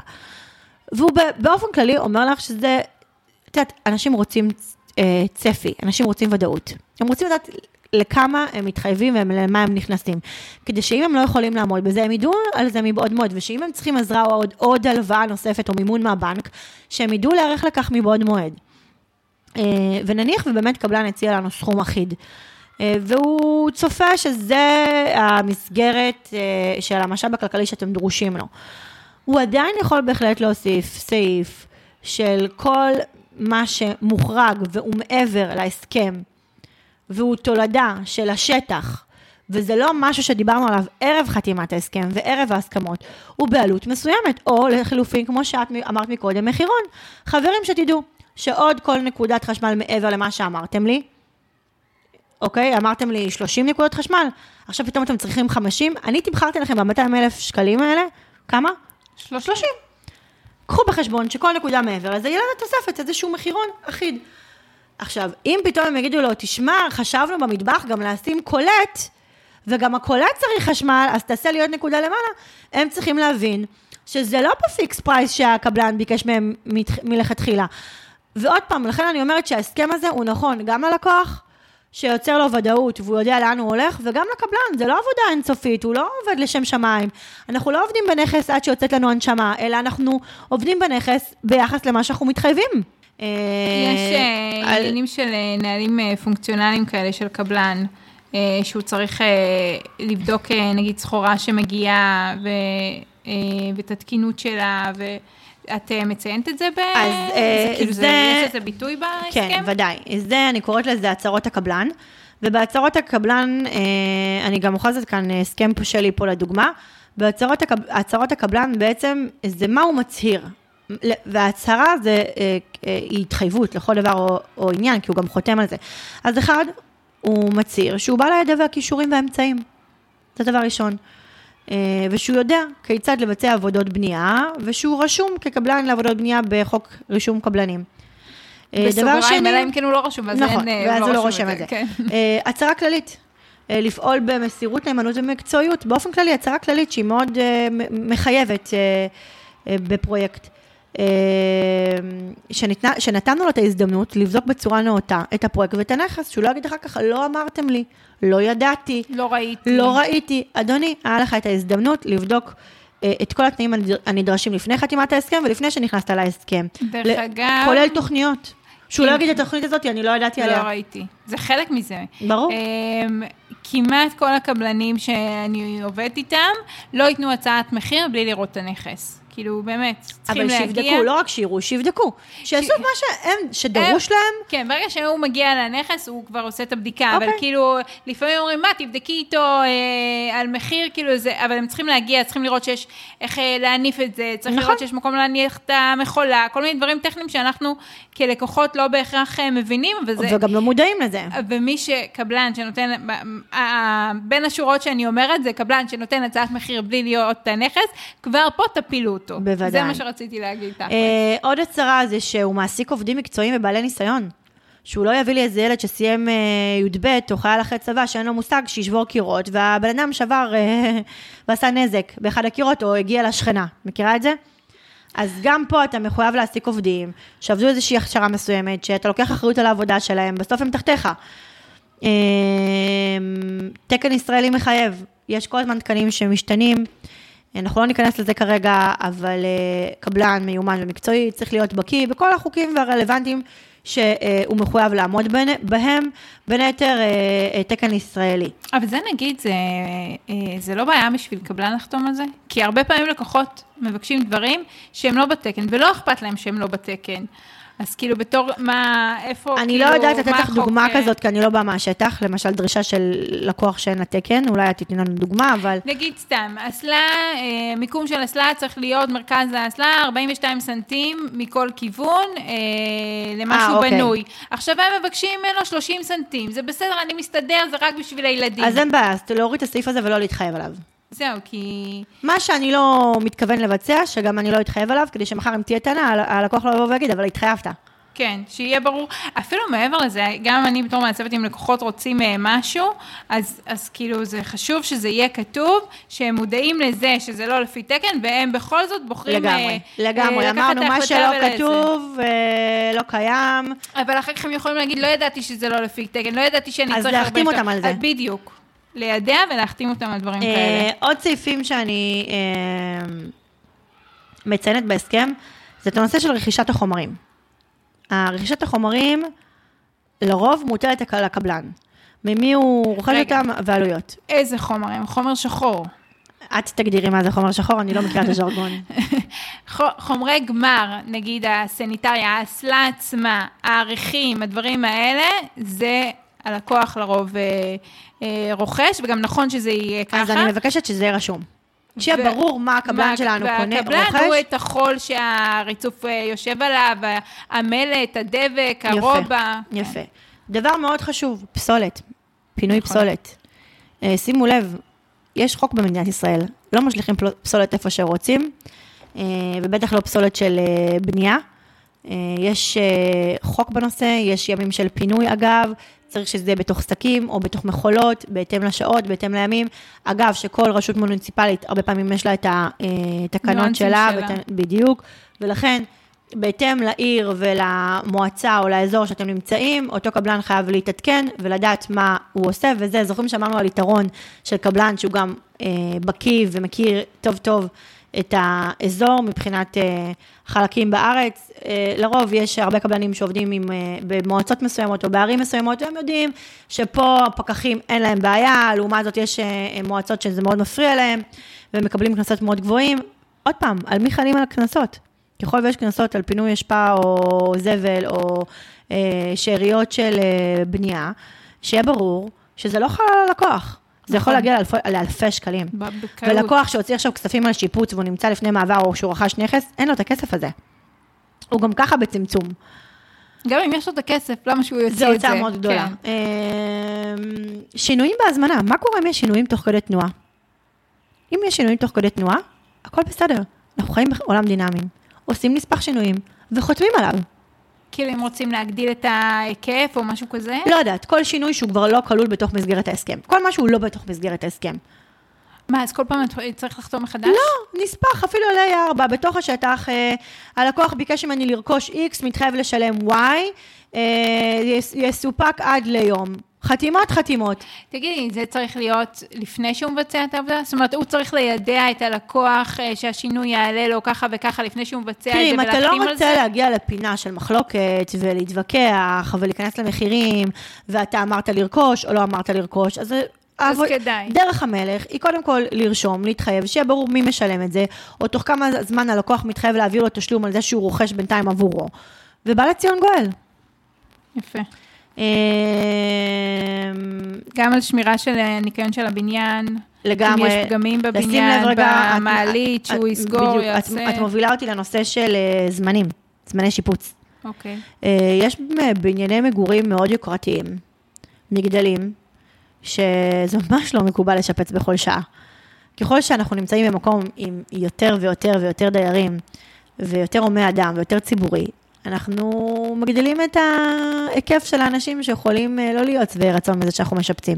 עכשיו בואי, שיפוץ אף פעם לא דבר נעים, יש פועלים, יש לכלוך, המעלית מתלכלכת, אה, החצרות מתלכלכים, זה בתים קרקע, אה, יש משאיות, יש עובדים. יש לנו הרבה מה להגיד על זה, זה יוצר אי נוחות לא רק לנו, זה יוצר גם אי נוחות לשכנים. אז קודם כל בואו נדבר רגע על יחסי שכנות טובה. אתם עושים שיפוץ? תרשמו רגע שלט במעלית. שלום חברים, אנחנו שכנים חדשים, אנחנו מתחילים בשיפוץ, אנחנו ננהג לעשות את השיפוץ בשעות הבוקר, כשלרוב תלמידים נמצאים בבתי ספר או אנשים במהלך העבודה, ונדאג לסיים אותו עד לשעה חמש או שש לכל אה, יום. תגדילו ותעשו, ותגדירו זמנים, גם לכם, גם לשכנים, וגם לקבלן שלכם, שגם הוא יבוא בתוך מערכת אה, באיזה שעה זמנים. מתחילים לעבוד, מתי הם מפסיקים לעבוד. אנחנו מבינים שלקדוח בשעה תשע בערב זה לא לגיטימי, ובשבת זה לא לגיטימי. אה, וביום שישי בשש בערב, גם אם לא נכנס שבת, זה לא, לא לגיטימי. צריך שיהיה גבולות תראי, גזרה. מה קורה עם החוק עזר העירוני הזה, אה, בהרבה מקומות שבין 2 ל-4 אין אותו יותר, הוא לא קיים. זה סתם נוהג. אין דבר כזה שחוק העזר עירוני בין 2 ל-4 לא מרעישים. זה נגמר. אנחנו אני מדברים... רוצה, אה, אני בשוק, כי... אנחנו מדברים כי על אני שכנות בבית טובה. שלי קדחתי, ו... ועלו תראי, אליי השכנים ואמרו לי, אה, כי מה קורה, שתיים משהו- וחצי כבר. נכון, כי זה משהו שהתר- שהשתרש בנו כחברה. הרבה פעמים הטיפוס הישראלי מדבר איתי בחובה לא חובה, חייב לא חייב. והחייב לא חייב הזה אחר כך יכול להוביל אותו לנקודה אה, של מחלוקת ומאוד רגישה וחוסר שיתוף פעולה עם הצד השני. ולכן אני הייתי מציעה לכולם לשים את זה בצד, וכן ליצור אה, מנגנון של אה, יחסים הדדיים, גם עם השכנים שלכם, והסדר והלוחות זמנים והשעות עבודה שאתם מעמידים לקבלן שלכם, לדאוג, לשמור על זה ולאכוף את זה, כי ככה גם השכן שלכם יודע של אוקיי, תכף זה נגמר, אני לוקח שנייה אוויר, כן. אני לא אה, אה, נכנס, אה, זה לא, אני לא, אה, יש לי ודאות, אני רוצה לחגוג גם יום הולדת לבן שלי, אני יודע שלא יהיו פה קידוחים ושאני יכולה לשים מוזיקה. מה, את אה, נכנסת, ראית שהלובי שלנו משופץ. וואו. את- את יודעת איך הוא הכתיב לי את הזמני הקלטת פודקאסט? אני הייתי צריכה למצוא כל מיני דברים אלטרנטיביים, וזה, כי כאילו, מתי הקבלן צריך לקדוח, לא צריך לקדוח, בדקתי מולו, בדקתי מולם, הוא אמר לי איקס, פתאום קרה וואי. קודם כל, אני רוצה להגיד שעשית עבודה מדהימה.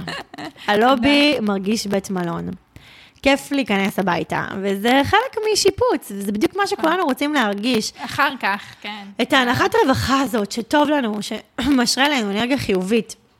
והרבה פעמים התהליך שהוא כרוך, השיפוץ, שהוא המשאב שהוא לוקח מאיתנו, ועוגמת הנפש והמריטת עצבים, היא לא שווה את זה. אז אני אומרת, ככל שאנחנו נדאג להיות מוסדרים, ומדויקים, ולבטר את הרצונות שלנו, ולעבוד בצמוד למעצבת פנים או אדריכלית עם תוכניות מראש, ולקחת קבלן שאנחנו עשינו לו את כל הבדיקות המקדמיות והאפשריות שבדקנו וראינו, ולקיים איתו אה, מערכת יחסים כתובה. אני חושבת שעברנו על כל הסעיפים יש המרכזיים. לי אה, שתיים קטנים לשאול אותך. כן, ו- אה, ורגע, ואני רק אומרת, שימו לב, לא לעשות את הטעות הנפוצה.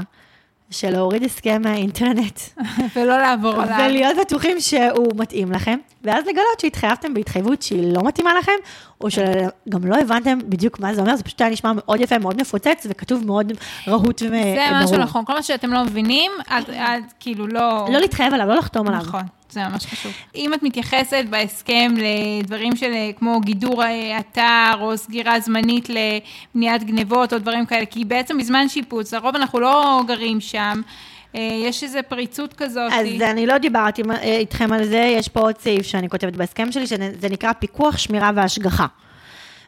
וכאן נכנס כל הנושא של על מה הקבלן מתחייב, הוא מתחייב אה, לשמור על הציוד, אה, הוא מתחייב לגדר, הוא מתחייב לשים שלטי, שלטי חוצות גם אזהרה, שכאן אה, זה אולי אתר בנייה, ב, אם זה נכס... זה פרטי בדרך כן, אם זה כלל, נכס כן. פרטי או קוטג' או חשוף על קו מדרכה, קו ראשון. וכיוצא בזה, שמירת ציוד. הוא לא יכול לבוא ולהגיד לי, תשמעי, יש לי פה ציוד באלפי שקלים ופרצו בערב וגנבו, אז בואי תפצי אותי על זה. כן. אנחנו צריכים לשים, באחריות שלו. לשים לב שזה באחריות שלו. אה, וגם נושא של אה, בסוף גם אה, ניקיון. אחרי שהוא מסיים את העבודה באתר, שהוא לוקח אחריו את כל שאריות הבנייה, שהוא הוא מביא לכם את הנכס, לא התכוונתי עושה ספונג'ה, כן? אבל מנקה את האתר, מכירה את השליכטים של בטון וכל מיני דברים כאלה, שהוא מעמיד לכם באמת את האתר למצב שאתם יכולים להשתמש בו. להכניס חברת ניקיון, או לנקות בעצמכם, ולהתחיל להשתמש בו, ושלא יהיו חשופים אה, כל מיני דברים. ואם כן, אז אין בעיה, אבל שזה יהיה ברור שיש עוד פינישים לפנינו. כן. אז כן, נושא של בטיחות, אבטחת האתר, שמירת ציוד, לגמרי אני ממליצה להכניס. נכניס. עוד פעם, אם אנחנו עושים הסכם לבד, ואנחנו לא מתייעצים עם איש מקצוע או עם עורך דין, אז לפחות את הדברים, אה, נושאי הליבה שדיברנו עליהם, שהם הכי קריטיים, תמורה, שלבים, מקדמה, אה, אה, מועד סיום, מועד התחלה, קריטי קריטי שתעשו את זה אפילו בעצמכם. מי שרוצה קצת לשכלל את העבודה ולישון קצת יותר טוב בלילה, בהחלט, פיקוח, שמירה, השגחה, אה, דרך יחסי עובד מעביד. נכון. אוקיי? אה, סעיף כללי שמובהר, שבו אה, הוא למעשה קבלן עצמאי, שאין ביניכם שום יחסים, שאתם לא פתאום צריכים לשלם עליו ביטוח לאומי, כן. או כיוצא בזה, אה, או שיפוי, או דרישה שתגיע בהמשך. סעיף כללי מנוסח באמת שתיים, שלוש שורות, אבל זה סעיף מאוד אה, אה, קריטי. וסעיף ההפרות, בואו נדבר על הפרות, פיצוי מוסכם, מה קורה? האם אנחנו בכלל מדברים על זה? עוד פעם, זה סעיפים שלרוב כבר יהיו מנוסחים על ידי אנשי מקצוע. אה, אדם פרטי גם מרגיש נבוך לנהל את זה עבור עצמו, וזה המשמעות שאנחנו הרבה פעמים מעבירים את השרביט לאיש חיצוני, לאיש מקצוע, שהוא מנתב את כל מערכת היחסים, ואתם לא צריכים להיות בכובע של ה... ולשים את עצמכם באיזשהו אי נוחות מול הקבלן, שכבר נוצרו ביניכם יחסים ככה אה, קרובים, וכבר שתיתם קפה, והסתחבקתם, וסיפרתם על הילדים, כן. ופתאום אתם מבקשים ממנו סעיף פיצוי מוסכם. או בכלל, אה, סעיף של הפרות, שהוא מעמיד אתכם באיזושהי נוחות, וגם אתם לא באמת יודעים לנהל את זה, כי זה לא השפה המקצועית שלכם, כן. אתם לא באים מאותו עולם התוכן הזה. לפעמים זה אפילו יישמע ככה פתטי ולא אה, מקצועי אפילו לבקש סעיף כזה, כאילו, הוא יכול להגיד לכם על מה אתם מדברים. אה, ועוד סעיף כללי, באופן כללי, שאני מאוד אוהבת לרשום אותו, שככל ויש איזושהי מחלוקת או אי הסכמה, אה, לגדר את זה, איך אנחנו רוצים לפתור את המנגנון ליישוב סכסוך. אה, איך אנחנו רוצים לפתור את המחלוקת הזאת? האם אנחנו רוצים ללכת אה, אה, למנות איזשהו אדריכל או איש מקצוע שיכריע את הכף בינינו, כי הוא בא מה, מהעולם תוכן שלנו, או האם אנחנו רוצים להגביל את זה לגישור בלבד, או האם אנחנו רוצים לגד, להגביל את זה ביחס למחוזות שיפוט, שמחוז השיפוט יהיה רק במחוז מרכז, או שאפשר לתבוע בעוד מחוזות. זה כבר פה הפלגה מאוד משפטית. אה, אה, אני יכולה להגיד לך שהרבה פעמים יש לי לקוחות מהמרכז, שמקבלים שירות מאיש מקצוע אה, בחיפה או בבאר שבע, והוא פתאום מקביל את זה למחוז שיפוט או לבית משפט השלום בלבד בחיפה, וזה יוצר ללקוחות שלי עוגמת נפש כל פעם לעשות את הנסיעה הזאת. ואיך אמרת מקודם? קבלן שהוא לא מהטריטוריה שלך, הוא גם מבקש תוספת נסיעות ומחיר ועלויות, נכון? נכון. גם בעריכת דין זה עובד ככה. ברגע שאני נדרשת להגיע לדיון באילת, זה ממש לא כמו דיון בתל אביב. כן. יש פה תוספת מסוימת, וגם עבור הלקוח, ההתניידות היא לא פשוטה, היא לא קלה, זה לעצור את כל אה, מערכת אה, העסקים שלו, והעבודה שלו, וההתחייבויות שלו, ובאותו יום לא להוציא את הילדים מהגן, ולא להגיע בזמן אה, לחוג של הילד. או לא להספיק לעשות סופר, כי הוא, הוא, הוא כל היום גם במסע הזה של לטייל אה, בנסיעה אחר הבית משפט אה, שהוגדר מראש. אז יש כן. דברים שאפשר לחשוב עליהם מראש. לרוב אתם לא תגיעו למחוזות האלה לבד, זה כבר ייעוץ יותר מקצועי, אבל הצפנו פה המון דברים מלא. שהם לפחות חומר למחשבה. כל אה, פרק אני מסיימת בשאלה הזאתי, מה המקום האהוב עלייך בבית שלך? אה, וואו, חדר השינה שלי. כן? כן, איזה כיף. אני מאוד אוהבת, זה כאילו השלב שמס... סוף היום. סוף היום. שכבר השלתי מעצמי את כל החוויות, לפעמים הטובות יותר, לפעמים הטובות פחות מאותו יום. יש איזשהו חושך קטן, אה, לפעמים אני מדליקה נר, קצת טלוויזיה, מתעדכנת בכל מה שקרה, יש לי זמן להתעדכן עם העולם החיצון, מה קורה בחוץ. וזהו, זה איזושהי, איזושהי אתנחתה כזאת שאני גם מפליגה עם הטלפון שלי, מתחילה לחשוב על היום של, של המחרת, ואני מאוד אוהבת את הרגע הזה. איזה כיף. וגם החדר שלי מאוד מאוד יפה, אני מאוד אוהבת אותו, הוא משרה ממש רוגע, וזה כל כך קריטי שהחדר שלך מזמין ונעים. זה נהדר. ואני חושבת שאת בין הבודדות ש...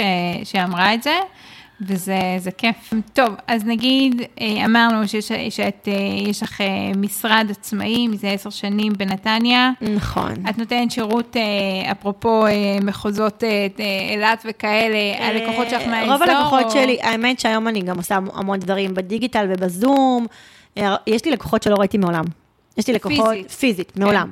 מעולם. שעשינו שיחה בזום, או שיחות טלפוניות, והם קיבלו את כל מה שהם צריכים, הסכמים, חומרים, כי אני יועצת משפטית, והרבה פעמים אין לי בכלל צורך לצאת לאולם הדיונים ולפגוש את הלקוח. אז זה קורה המון. לעומת זאת, יש לי המון לקוחות עסקיים שגם לא ראו מעולם את המשרד שלי, זאת אומרת, אני מגיעה אליהם. Mm-hmm. זה הבנפיט. שאני מכירה את העסק, אני לומדת את העסק, אני יוצאת מהמשרד, אני לא יושבת רק בארבע קירות. אה, וזה חלק מלהתאים גם את השירות שלי לעסקים ולעצמאים. אני מטפלת בהמון קבלנים, וגם קבלני כוח אדם וקבלני שירות בכלל. אה, אני מכירה מאוד מאוד טוב את העולם הזה, אה, אני כותבת המון סוגים של חוזים, מכאן הידע והבקיאות שלי, אני עורכת דין אזרחית מסחרית, וכמובן שנותנת גם שירותים לאנשים פרטיים. זהו, אני מאחלת לכולם תהליך קורה. רגע, רגע, יש לך אתר. יש לי אתר uh, חדש, שהוא האמת. שהוא שווה, מלא תוכן. שהוא מלא תכנים. Uh, אני בשאיפה גם את הפרק הזה לשתף אצלי, וגם שם הם יוכלו לראות בצורה יותר טובה וקוהרנטית את הסעיפים שאני ממליצה עליהם. Uh, וזה כמובן אחרי שאת תסיימי את הפרק שלך, אז אני גם נעלה איזשהו כזה מאמר משותף שגם יעזור גם למי ששמע אותנו. מעולה. אה, וכן. אני אגיד שאני שמה כישורים אה, אה, בתחתית הפרק, אז אני אשים גם כמובן לאתר. פייסבוק, אינסטגרם. פייסבוק, אינסטגרם זה שני הערוצים המרכזיים, וכמובן אתר הבית שלי, שזה הבית הדיגיטלי שלי, שאתם יכולים שם להיחשף למלא דברים שאני עושה, גם יזמות חברתית ועסקית, ואתם מוזמנים לכל שאלה, ותרגישו בנוח, אני בכיף עונה לשאלות. אתר שווה. ותמיד מוזמנים גם לקפה, מי שממש רוצה ומתעקש לצאת מה, מהבית ומהזום. מגניב. טוב, יפה. אז uh, תודה שהייתם איתנו והאזנתם לעוד פרק של בדרך הביתה. אם אהבתם את הפרק ואתם מכירים אנשים לפני או בזמן או בחלום של לבנות ולשפץ והפרק הזה יכול לעזור להם, אתם מוזמנים לשתף. אני מזמינה אתכם ללחוץ על subscribe באפליקציה שאתם מאזינים בשביל לקבל עדכון על פרקים חדשים, ואני גם מזמינה אתכם לדרג אותנו, זה ממש ממש עוזר, אז אה, אה, תדרגו גבוה. אה, אתם יכולים למצוא אותי בקהילה שלי בפייסבוק, משפצים בלי פיצוצים. אה, אתם יכולים לשאול שם שאלות ומחשבות, ואם יש משהו אה, בנושא של הפרק, אני גם אעביר את זה ללין, ואת מוזמנת להצטרף לקהילה. בכיף. אה, וניפגש בפרק הבא. ביי. תודה.